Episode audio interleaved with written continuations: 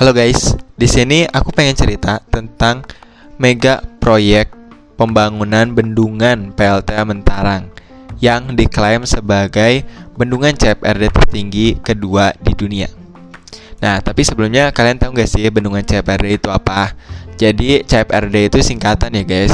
Jadi CFRD itu bendungan CFRD itu bendungan tipe urugan membran beton atau disingkat UBM tapi kalau misalnya dalam bahasa Inggrisnya itu concrete face rock till yang mana disingkatnya adalah CFRD kayak gitu. Kalau kata PUPR sih bendungan CFRD itu punya banyak keunggulan dibandingkan bendungan tipe urugan batu itu tanah.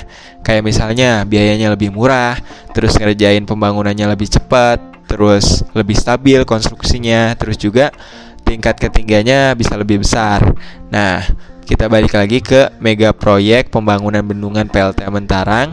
Ini yang bakal diklaim sebagai bendungan CPRD tertinggi kedua di dunia. Yang pertamanya itu di mana? Yang pertamanya itu di Cina. Tingginya itu 233 meter, sedangkan PLTA Mentarang ini ataupun bendungan PLTA Mentarang ini cuma sampai 220 meter. Itu. Terus siapa yang memprakarsainya pembangunan ini? Pembangunan ini diprakarsai oleh PT KHN ataupun Kayan Hydropower Nusantara yang rencananya yang rencananya itu bakal selesai selama tujuh tahun prosesnya sampai tahun 2029 selesai dan akan menghasilkan daya pertamanya pada tahun tersebut.